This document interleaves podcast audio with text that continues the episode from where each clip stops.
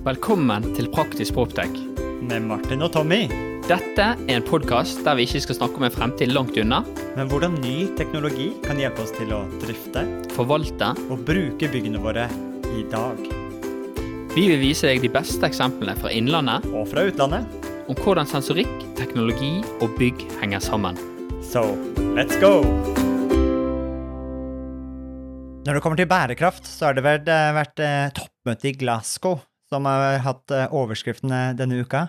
Eh, med en litt snodig navneforkortelse, COP26. Men det er et annet forvirrende begrep og konsept som har sikkert svirret i hodene rundt til drifterne og forvalterne i Eiendoms-Norge det siste året. Det har vært mye snakk om bærekraftige bygninger, og bærekraft har vært på alle sine lepper. Klimamål, FN-mål, og nå ikke minst EU-taksonomien, og hva dette betyr. Ja, for hvordan kommer egentlig denne taksomien som vi har hørt mye om det siste året, til å påvirke kjernelytterne til Praktisk Praktisk, drifterne, forvalterne og byggherrene? Og selv om det heter EU-taksomien, så tror jeg nok dette kommer til å ha en større konsekvens enn flere tenker på byggene våre her i Norge. Og derfor, i ordentlig Praktisk Proptech-stil, vi må nerde ut og forstå ved hjelp av en gjest som vi har fått med inn i studio. Og i dag så har ikke vi hvem som helst, det er ikke bare, bare en ingeniør, det er daglig leder og gründer av Proptech-selskapet Vari, og en som virkelig har nærmet ut om taksonomien. Så velkommen inn i Praktisk Proptech-studio, Renate Straume. Takk skal du ha, Tommy. Du har jo, jeg tror du er første gangen vi har en med din bakgrunn, for du hadde jo en litt annerledes bakgrunn inn i arbeidslivet, har jeg forstått. For du har stått på en jeg tror, mye større scene enn meg og Martin, og attpåtil i London. Hvordan begynte din arbeidskarriere?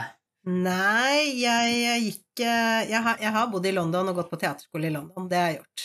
Om scenen der er den største jeg har stått på, det er en helt annen sak. For det er ganske mange små teatre i London. Eh, Jeg har spilt på teater i London, eh, men det var noe som kaltes for off-fringe, så jeg har, jeg har ikke stått på de store scenene i London, det har jeg ikke gjort. Men jeg har jobbet som skuespiller i London. Det Hva er en minnerik eh, rolle du hadde eh, i London? Eh, jeg tror kanskje den eh, En av de morsomste rollene jeg hadde, var eh, i eh, fjerde episode, altså for fjerde år på rad, så lagde de noe som het Tubes, som var en serie med eh, egentlig sketsjer satt på undergrunnen i London, eh, for undergrunnen i London blir kalt for The Tube. Ja. Eh, og, og da eh, spilte jeg en eh, I en av sketsjene iallfall, så spilte jeg uh, Trophy Wife. From New York. Det er sikkert den verste amerikanske aksenten du kan tenke deg, for det altså Amerikansk aksent, den er ikke den verste i verden, men den, den fra New York, den er skal jeg ikke påstå at jeg akkurat naila, men det var veldig gøy. Jeg hører sånn derre Fran fra Nanny nå i hodet, for de som tar den Ja, eh, referansen. det var ikke så himla langt unna. Og jeg, det, det har jeg faktisk eh, spart på. Der var et uh, bilde fra den Tubes, uh, var da i Time Out Magazine. Uh, så eh, Oh. jeg, jeg, har, eh, jeg Det bildet har jeg spart på. Den rødeste leppestiften og den rødeste kjolen og ordentlig stort amerikansk hår. Så Renate, eh, velkommen. Det er veldig gøy å ha deg her i studio. I dagens episode har vi tre mål.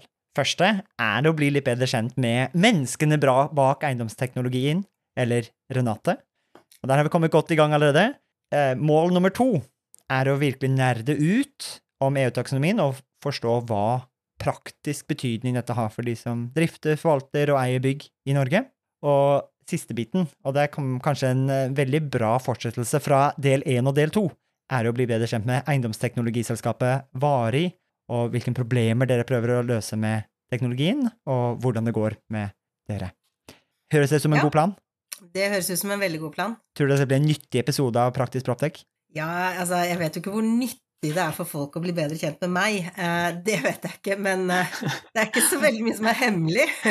Men de andre to delene blir bra. Ja, de tror jeg kan bli ganske nyttig. Eh, vi forsøker jo å jobbe med ting som er relevante og viktige for folk å få kontroll på framover. Um, så vi bruker jo ikke tid på ting vi ikke mener er nyttige for folk. Det, det ligger jo litt i sakens natur. Og, som, og dette vet jo dere også, som teknologiselskap så er vi helt avhengig av å jobbe fort og ligge foran uh, og, og se ting Se det er, for, det er for sent hvis det har vært et problem i for mange år allerede. Em, vi må på en måte endre oss uh, veldig raskt. Mm. Vi har også mulighet til å endre oss raskt på en måte som er veldig sporbar. Mm. Men, Men- kanskje der hvor jeg tror teknologi skiller seg mye fra rådgiverbransjen. Mm. Før, før vi, vi har en, en ganske mange gode spørsmål rundt akkurat dette her som vi har lyst til å Men, men meg og Martin sin guilty pleasure med podkasten er, er jo menneskene. Det er jo det vi liker best.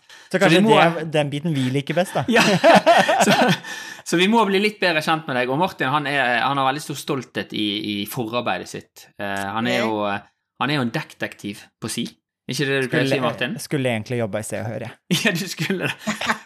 Så, så at- og så har vi veldig tro på at hvis folk blir bedre kjent med mennesker, så syns de det er enda gøyere å nerde ut. Så Martin, hva, du, hva er oppsummeringen din av eh, Renate til folk som ikke er så godt kjent med henne? Jeg har jo øh, ringt litt rundt i Eiendoms, Eiendoms-Norge, og de som jobber rundt Eiendoms-Norge, så blir litt bedre kjent. Jeg har pratet med en som ikke bare har ansatt deg én gang, men har faktisk ansatt deg to ganger! Eh, og prøvde å få Hvordan vil du beskrevet Oi, nå var det litt sånn Hvem er det han snakker om nå? Jeg kan, jeg kan ikke løpe, røpe mine kilder. Eh, og fikk han til å beskrive Renate med tre ord, og da sier han utadvendt.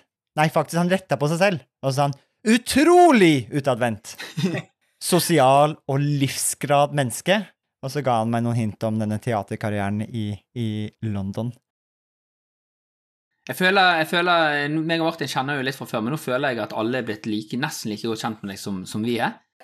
Så, så, så hvis, vi skal, hvis vi skal gå over til det liksom kanskje det, det mest nerdete delen, og det er jo rett og slett Vi må lære om taksonomien.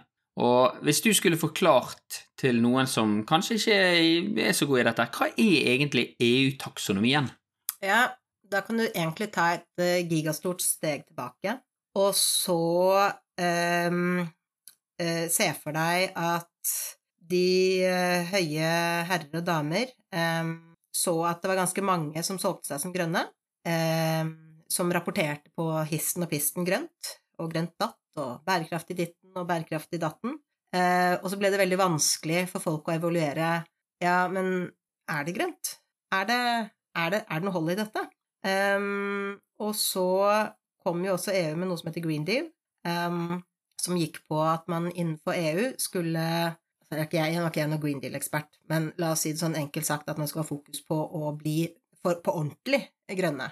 Um, og så ble det for vanskelig da å se på å evaluere grønt, samtidig som man også skjønte at hvis man skal få noe fatt på dette, så må det bli lønnsomt å bli grønn. Så det er EU-taksonomien. EU-taksonomien er et rammeverk som beskriver hva er faktisk grønt, og hvordan kan du sørge for at hvis du sier at du skal sette penger i grønt, så har du gjort det. Eh, og dette er et finansielt rammeverk eh, som gjør seg utslag i den virkelige verden på helt andre måter enn tradisjonelle finansielle rammeverk. Eh, og det er det som gjør det veldig vanskelig, fordi du rapporterer finansielt, men det du jobber med, er ikke liksom eh, compliance eller ditten eller datten finansielle ord som, som er ganske Jeg har ikke helt kontroll på alle de aspektene der, og de er ganske krevende, for å være helt ærlig. Um, mens den virkelige verden Altså, det er jo ting som Blir du bedre på energi? Uh, har du rett sertifisering? Uh, hva er uh, kravene på hvor mye vann som er i vannkranen? Altså, det er sånn helt konkrete ting.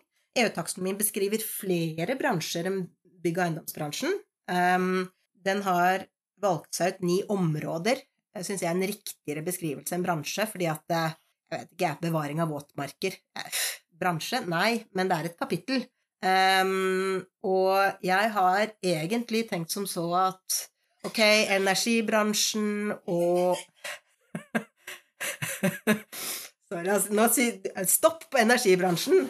Var det deg eller Renate? Renate. Ja, ok. Var det en fugl? Nei, jeg tror det var noe med Hvis jeg skal tippe, så tror jeg det var noe fat. Jeg beklager, men det var en stykk guttunge som hadde latterkrampe, som gjør at jeg fikk latterkrampe. Okay. Så på sett og vis er dette her litt av det samme som vi har fair trade-sertifiseringen på kaffen vår, eller at vi kan kjøpe økologisk melk, og så veit vi at det er en viss standard på hva det innebærer. Ja, men ikke, ikke, ikke Men på en litt annen måte, fordi hvis du Det er da i hovedsak for de som sitter og skal investere. Hvis du kan dokumentere i din rapportering at du er EU-taksonomi compliant, um, da er du mye mer attraktiv for de som sitter og investerer. For du har noen investeringskalde organer uh, nedover i Europa, i Norge, som investerer pensjonspengene våre etc., som har ganske klare føringer for hvordan de skal investere de pengene. Um, og trenden fra bankene er at de kommer til å gå Hvis de er grønne, så er de enten mørkegrønne, så da er du taksonomi compliant, eller så er du lysegrønn. Da er det fortsatt en god del som er bra og grønt og kan dokumenteres grønt, men det er ikke helt taksonomi. Um, det mørkegrønne vil det ikke finnes så mye av. Det, altså, at det er en slags um, en slags fair trade, men for de som investerer penger, Uh, sånn at det skal være synlig og lønnsomt å investere grønt. Um, og du som eier av bygg, eller bruker av bygg, eller drifter av bygg, ditt ansvar blir mer å gjøre bygget ditt eller mm, ja, gjøre bygget ditt så taksonomi-compliant som mulig. Da setter du deg selv i en, en, bedre posisjon hvis du skal ha tak i pengene til de som um, investerer grønt. Eller bevare verdien på bygget ditt, eller få høyere betalt fra leietakere, osv., osv. Så, Så, men, men så, det, så, det, vil si, sånn kort oppsummert, så, så eh, Jeg mener jeg leste et tall 93,5 altså at de, de ni sektorene de står for 93,5% av klimautslippene. Uh, og bygg, da, hvis det er kapittel 7, så er det vel sikkert sektor 7, eller noe sånt. Yes. Og, og, da vil jo det vil jo si at alle som eier eller leier et bygg, eh, må sette seg inn i dette. Og det første spørsmålet som sikkert mange stiller seg, er jo vil dette gjelde kun nybygg, eller vil det òg gjelde rehabilitering av bygg, altså eksisterende bygg? Du, vet du hva, det er verre enn som så. Fordi du har syv delkapitler innenfor kapittel syv. Kapittel én går på nybygg, kapittel to går på rehab, og kapittel tre, fire, fem og seks går på eh, kall det økonomisk aktivitet, som for eksempel sette inn elbilladere eller eh, bytte ut kranene eh, til sparekraner, eller få inn tekniske anlegg, eller eh, sørge for at du har ren energi. og der er de fem ulike former for ren energi, hvorav sol er en av dem. men vannkraft er ikke en av de. Som er litt sånn mystisk med første øyekast, og så begynner du å tenke på at jo, ok, men du vil kanskje ikke at hele Amazonas skal bygges ned av gigantiske demninger bygd i, i x antall meter tjukk betong, eh, som er eh, så, så, ok, jeg skjønner det når man snakker om nyanlegg også. Det er ikke alle som har veldrevne anlegg som i Norge. Um, men så det er kapittel Da har vi én nybygg, to rehab, og så Tre til seks er da eh, økonomisk aktivitet, meget konkrete handlinger. Så har du kapittel syv, som går på kjøp, salg og eierskap av bygg. Um, I første omgang så tror jeg at jeg hadde fokusert på enten nybygg og rehab, eller den siste. Jeg, jeg tror det er nok i første omgang. Eh, de andre kan du gå til når du skal jobbe med eh, bærekraftstiltak. Så kan du ta en titt på de og si Ok, med de tiltakene som jeg tror er fornuftig å gjøre, står noen av de her? Sannsynligheten er egentlig ganske høy. Ja. Eh, så, så, men fram til du er der, så hadde jeg venta litt med tre til seks. Um, og så på kapittel én, som går på nybygg, så er mitt hotte tips er bruk Bream Nord. Bream Nord-sertifiseringen, eh, som Eh, er Grønn byallianse, eh, som håndterer i Norge, eh, er kanskje de jeg har sett som har best kontroll på hvordan man kan faktisk sørge for at man gjennomfører et nybyggprosjekt i tråd med EU-taksonomien. Ehm, jeg er usikker på om de er helt i mål ennå, men de og Norsk Eiendom sammen har sett ganske detaljert på det og gått grundig til verks. Og gått mye mer i dybden enn det egentlig um, man som, som, rådgiver har mulighet til å gjøre, fordi at det er en god del svarte hull uh, i det systemet der, spesielt når du skal ned og se på, på farlige stoffer og den type ting, altså, og, og se på EU-regelverkene der, de, de, er krevende. Veldig krevende.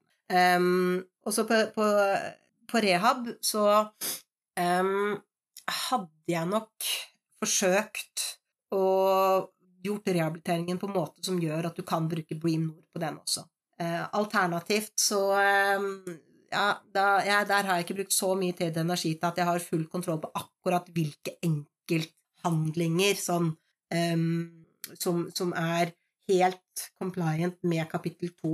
Uh, for den er nesten like kompleks som kapittel én, um, men på en litt annen måte. Så, så, der er det Den er ganske krevende, for å være helt ærlig. Uh, så sertifiseringsordningene som allerede fins, er mitt hotteste tips. Og de kommer også til insentiv til å tilpasse seg, ja. være compliant med denne taksonomien. Ja, og de har også jobbet ganske mye med, med å, å, pushe eh, regelverket i Norge for å bli compliant med taksonomien også, sånn at alt begynner sånn sakte, men sikkert å, å falle på plass. Sånn at eh, du kan jobbe i tråd med flere ting samtidig.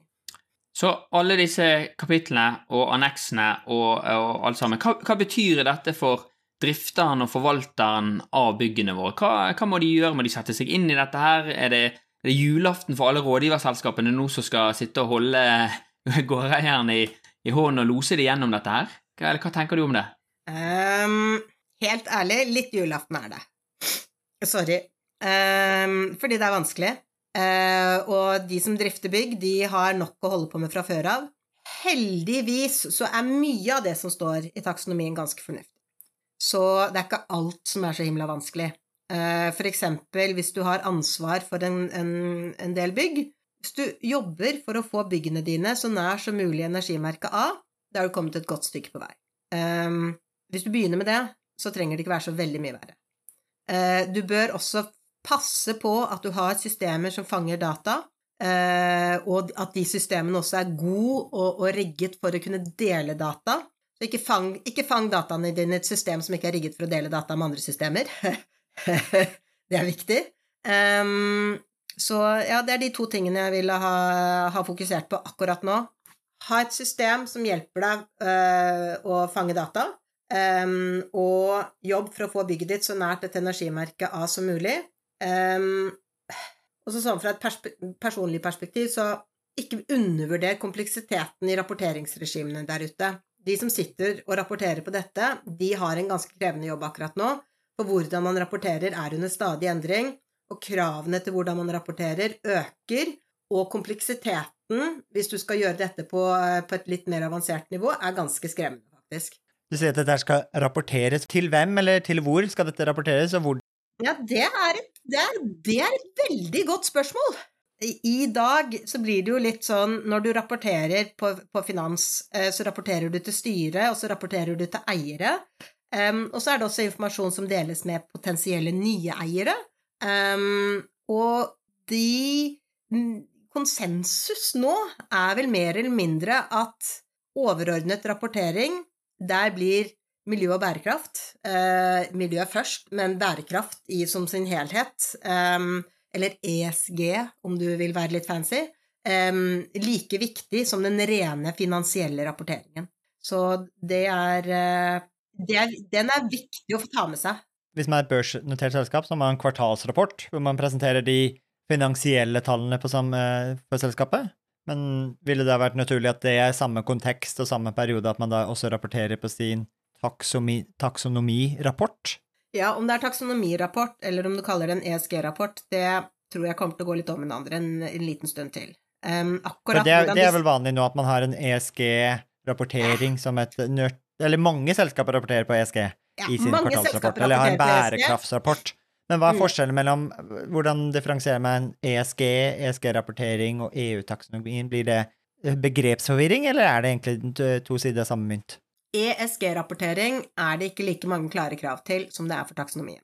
Eh, så ESG står jo for Environmental, Social og Governance-rapportering. Og når du skal dokumentere hvor, kall det, miljøvennlig i første omgang du er, så er det å dokumentere compliance overfor taksonomien én måte man kan dokumentere kanskje i første omgang én på eh, innenfor ESG-rapportering. Um, så ja, det henger litt sammen. Det er ikke noe problem å ha ESG-rapportering uten å koble den direkte mot taksonomien nå. Mm, og de mange, mange, i Europa blant annet har gjort det lenge. Mm, men det vi ser, er at i Norge så er det ikke like mange selskaper, kanskje spesielt innenfor eiendom, for der er det så få børsnoterte selskaper. Um, så de har, ikke, de har, ikke, rapportert på ESG ennå. Uh, det er kanskje noe de har begynt med nå, Um, og, og, det å da bruke muligheten til Fordi altså, i Norge så er vi faktisk verdensklasse på datafangst. Uh, det, er ikke, det, er det vi er uh, Det er ikke all datafangst i Norge som er dødslett, men sammenlignet med hvordan det er i mange andre land, så er det lett. Jeg husker tidlig i januar og februar så kom det masse skriv ut fra banker som begynte å sette krav til energimerket, og at de skulle ha kontroll. Eh, det var masse Jeg tror de vi har hatt besøk av mest eh, på Optic Bergen eh, siste tiden, er jo, er jo finansbransjen og, og, forsikringsbransjen. De er jo helt De er kjempeinteresserte i hvordan du kan få mer data i byggene og få, få innsikt. Hva tror du er konsekvensen for de byggene og de byggherrene og drifterne for alt som nå detter litt av lasset, som eh, har ikke helt lyst til å sette seg inn i det? Tror du det blir en stor konsekvens hvis ikke man er med på dette løpet? Eh, i, hvis du ikke blir med i det hele tatt, ja. Da risikerer du til slutt å sitte der med, med, bygg hvor du ikke kan dokumentere bærekraft i det hele tatt. Du kan komme opp i en situasjon hvor, hvor du får verditap. Kanskje du, kanskje du ikke får like Du kan iallfall ikke forvente å få top notch eh, på leieinntekter. Mm, mens det, det, blir vel mer at det, sånn, Iallfall en god stund til så tror jeg det blir mer en sånn De aller beste byggene eh, får flere for, fordeler enn de dårligere byggene.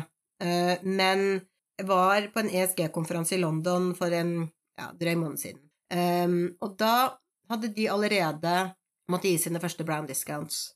Fordi det var for lav sannsynlighet til at det bygget noen gang kom til å komme opp på et nivå hvor det kunne bli um, Kall det taksonomi-compliant. Nå var det ikke det ordet de brukte, men uh, i London så er det litt andre regler nå. Uh, der er det litt tøffere, faktisk. Uh, du har blant annet ikke lov til å låne ut penger til bygg med energimer energimerket under C. Um, ja, det er ganske Jeg er usikker på om det er bare i London by, eller om det er jevnt over det hele. Um, og, og, Frankrike har nå skrudd, det skikkelig ved at du, hvis du er i et bygg uten um, energimålesystem, så har du ikke lov til å være leietaker. Um, og så, så EU landene i EU skrur til dette regelverket også. Så man kan ikke hvile på at man er god på dette i Norge, fordi sammenlignet med resten av Europa, hvis du ser på ESG-rapportering, så er det ganske mange som er flinkere enn oss. Eh, men tilbake til brown discount. Den brown discounten var ganske vesentlig, overraskende stor. Og jeg forsto det som at det ikke var snakk om manglende vedlikehold, det var helt sånn adekvat. Men den var fra 21 millioner pund til 14 millioner pund. Du var veldig flink til å arrestere oss når vi begynte å bruke ESG, og så definerte du hva ESG sto for. Ja. Som Environmental, Social and Governance, i hvert fall på engelsk. Ja. Men uh, det er ikke at det er en forkortelse, men det er nok ikke alle som kjenner til uh, brun rabatt. Nei, brown discount. brown discount, det er et begrep som da er Man kan snakke om brune bygg og grønne bygg. Så da gir det seg litt selv at et brunt bygg er ikke et grønt bygg. Så en brown discount, det er fordi at det kan aldri bli, eller er ekstremt krevende å få det opp til et grønt bygg. Um, og noen bygg kan aldri bli grønne, men det er gode, gode grunner til det. Er det fredet av, av, liksom, at det, at av sosiale aspekter, det er sosial bærekraft oppi det hele som gjør at her er det, er det særlig grunn til at dette bygget her som ikke kan bli grønt, så, så, er det sannsynligvis en annen grunn til at det også er verdt å bevare. Uh, så jeg er ikke imot Altså, jeg er egentlig Hvordan si det på en annen måte? Eh, en tidligere kollega av meg sa, sa, en gang at vi kommer ikke til å rive oss eller bygge oss ut av, eh, av eh, klimakrisen. Vi må ta vare på det vi har. Det, det, er veldig mye, kall det klimainvesteringer, som er gjort i den eksisterende bygningsmassen vår. Og ved å bruke det vi har, smart, så kan vi bli grønnere raskere. Og det tror jeg er Det er litt svakt eh, hensyntatt, syns jeg, i den nåværende taksonomien, men jeg tror det kommer til å styrkes når vi får den sirkulære taksonomien. Og apropos det, å drifte byggene våre smart og bruke kanskje også teknologi til å ta vare på det vi har, la oss prate litt om varig, for dere er jo eh, med i denne kategorien med selskaper, eiendomsteknologi, Proptech, og prøver å bruke data og teknologi for å bidra til dette skiftet. Hva hvilke kunder har Varig, og hvilke problem løser det for dem? I dag så har vi primært eh, eiendomseiere som kunder, og hovedmålet vårt er å hjelpe dem med å få oversikt over, eh, kall det bærekraftstatusen til egen portefølje, ved å hente inn data på bygget. Og da når jeg sier data på bygget, så mener jeg ikke kun elektrisitet, vann, avfall, fjernvarme, sol, den type ting. Det også, um, men også litt mer informasjon om selve bygget. Eh, hvilke sertifiseringer har det, hvor stort er det, hvor i verden er det, hvilke materialer er det bygd av, hva er CO2-avtrykket fra byggingen av bygget? Um, og, og, og, det er når du setter disse dataene sammen, um, at du får, får, den, får, en komplett oversikt. Um, det jeg kanskje kan si med det samme, er jo at Vari er jo ikke et bygningsoptimaliseringssystem. Det er det mange andre systemer som har fokus på og løser veldig godt. Uh, så derfor har vi ikke hatt fokus på det. Vi har vært fokus på et system som skal være lett å bruke for de som ikke er så bygningskyndige, um, og også for de som skal rapportere, og de som skal uh, jobbe strategisk på et overordnet nivå.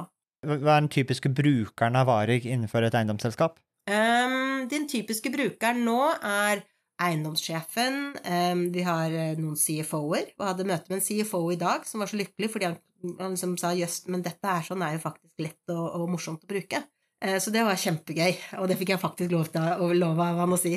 Um, og da, Hvis du fikk lov til å si det, så kan du også si hvem det var, da. Ja, det var, det var eh, CFO-en i Clemens Eiendom. Spennende. Ja, så det var veldig gøy. Um, og det, det, var veldig hyggelig, for det har vært målet vårt hele veien at vi er jo ikke nødvendigvis et system du er inne i daglig.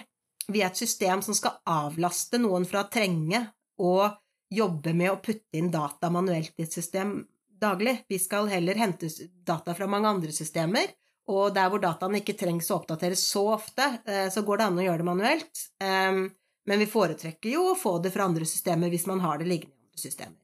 Hvis jeg forstår det riktig, da, så er jo på en måte varig skal være eh, løsningen for taksonomien. Eh, for ja. enkelt og rett. Og så når jeg hører litt sånn bygningsdata og sånn, så tenker jeg òg litt på hvordan ser du deg, eller hvordan ser dere på varig kontra et tradisjonelt FTV-system? Disrupter dere litt det leddet der? Jeg er faktisk ikke helt sikker ennå. Eh, jeg skulle Jeg tror vi kan på sikt gjøre det.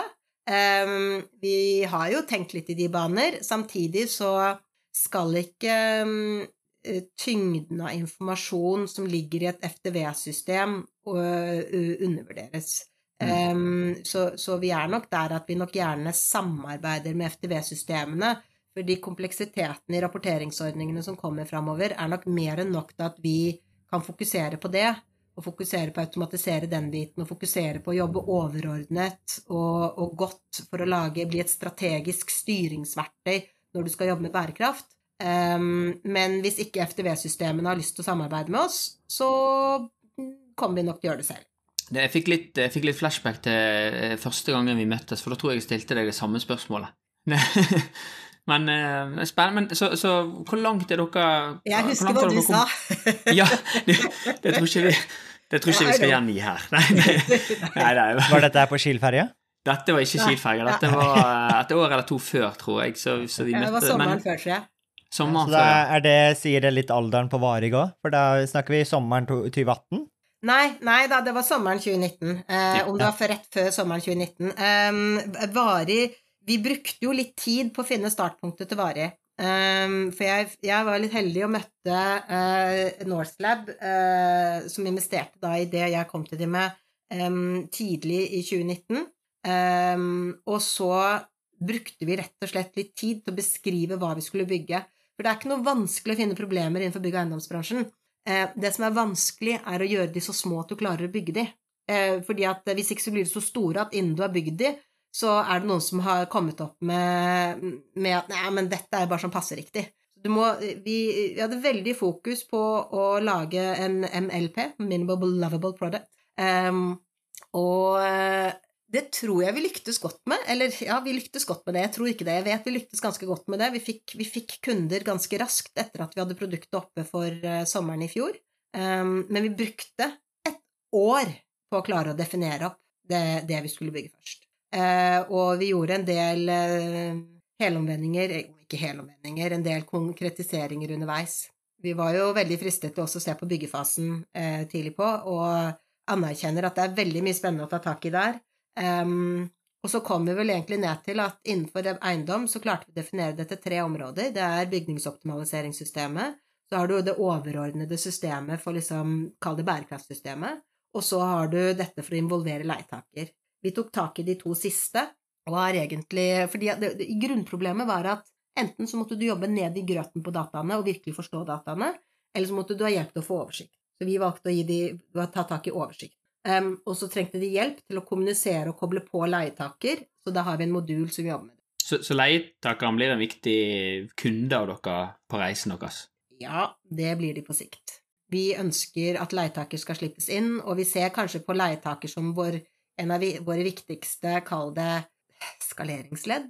Um, for hvis de får den dataene de trenger på en måte som de kan bruke videre inn i sine rapporteringssystemer igjen, um, i fem bygg, uh, så er sannsynligheten for at de vil ha det i resten av byggene sine, ganske høy. Og det kan vi fikse. Jeg prata med vår bærekraftsansvarlig i, i Airtings forrige uke. Ja. Han begynner å klø seg litt i hodet, for vi har jo fire-fem kontorer rundt omkring i verden. Blant annet i et lite kontor, ikke så signifikant, i Bergen. Hovedkontoret? og han må jo nå faktisk begynne å rapportere eh, bære, eller miljøpåvirkningen, våre kontorer, hvor folk sitter og programmerer eller gjør regnskap og HR rundt omkring i verden. På W7 så kan han nå få ut sin bit direkte fra Vari. Og W7 er da Wergelandsveien 7, ja, som ja. er eid av Høg Eiendom. Yes. Og da antar jeg at kanskje Høg Eiendom er en kunde av Varig? Ja, vi har koblet opp Wergelandsveien 7 nå, Um, om den ikke er oppe og går helt nå, så er den eh, veldig rett rundt hjørnet. Så da kan han eh, få ut um, deres etasjer i det bygget direkte fra Vari. Så jeg bare gir gi beskjed, da vet du, så kan jeg gå og snakke med de som eier de andre byggene deres. Og så kan vi få satt opp Vari der også, så får han ut alle sammen. Kan du ikke ta Stockholmskontoret og Bergenskontoret, da? For vi har ikke jo. fått rapporteringstallene for Bergen ennå. Bergen er Bergen er litt eh, Vi har altfor gode tall, så vi har ikke lyst til å sette Oslo i dårlig perspektiv. Det er litt der. det går bra, vet du. Vi kan bare koble oss oppå Bergenssystemet, så får han alltid ett system. Ja, det, det høres ut som en gøy utfordring jeg tror vi må ta. Ja, det må vi gjøre. Så, men, så, så, så vil du si at på en måte Vari er en plug and play-løsning som skal løse taksonomien steg for steg? Ja, det, det vil jeg si. Er, er, du bygningseier og du skal rapportere mm, på det å eie bygg, eh, og kanskje til og med også kjøp og salg, eh, så er nok vi de som gir, ganske, som gir best oversikt i dag. Og så har vi ikke en knapp enda som heter taksonomirapportering. Eh, mm. Men det er litt fordi jeg vet at EU jobber med et rammeverk for hvordan du skal rapportere på taksonomien.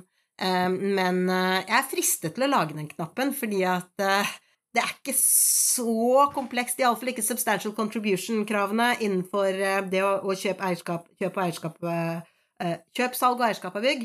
Um, mens det som er litt krevende, det er dette som går på klimarisiko. Altså do no significant harm, DNSH. Um, der er det mer krevende, for der går det på flomrisiko og uh, ja. Regn, ekstremvær og yes. høye temperaturer, leste ja. jeg. Og, ja. ja. Den er vanskelig å rapportere på. Iallfall så er den sånn som verden er i dag, med tilgang på data du kan stole på, um, så syns jeg den er krevende. Nå er vi i, i samtale med, med flere selskaper som driver og ser på dette, hvor jeg vet at de har så mye data på området at de faktisk kan komme opp med et system som kan levere på det. Men fram til vi har det, så der hvor du kan dokumentere at du er i tråd med substantial contribution, som det er energimerket A, og at du har et system som måler energiforbruket til bygget, um, så er det verdt å ta seg råd til en rådgiverrapport som dokumenterer DNSO-kravene. For det er en rådgiverrapport i dag. Den er ikke verdens verste, faktisk, for du finner en god del av det i eh, reguleringsbestemmelser og konsekvensutredninger og den type ting, men ikke alle steder. Hva blir det neste steget for Varig? Um, vi jobber med ganske mange spennende ting nå. Uh, vi har flere akser uh, som vi, vi uh, liksom har fokus på. Det ene er vekst utad av Norge. Ja. Så vi driver nå og setter opp våre første leveranser til Sverige og er i kontakt med, med selskaper som har porteføljer i mange land. Um, så det ser positivt ut at de første, hva skal jeg si, større utenlandske porteføljene kommer om ikke så altfor lenge. Um, og uh, så ser vi på innenfor, innenfor dette med taksonomien og um, kall det uh, rapportering innenfor dette overordnede rammeverket som taksonomien er en del av, uh, så er dette å ha en klimaplan viktig, og det har vi et, et prosjekt nå sammen med Møller på, um, som kobler seg også opp mot, grad mot energimerkeordningen. Så det er et spennende prosjekt. Um, det skal vi bruke en del tid på framover, sånn at uh, man får opp et verktøy for å få litt hjelp til å legge, lage en plan. Um, og, så, uh, og, så, er det rett og slett å vokse og bli flere, sånn at vi kan, uh, kan hjelpe flere. Er dere på Det er ingen som har vært, hatt en shout-out i Praktisk Proptek etter eh, stillingsutlysninger, eller sett etter gode folk? Er dere på utkikk etter noen gode folk? Vi er definitivt på utkikk etter gode folk i hva slags kapasitet og roller, så kan vi peke dem mot uh, vari.no for å finne stillingsutlysning. Vari.tech, ikke det? Vari.tech, ja. Det er helt riktig, Tommy. Vari Technologies, ikke sant? Vari.tech.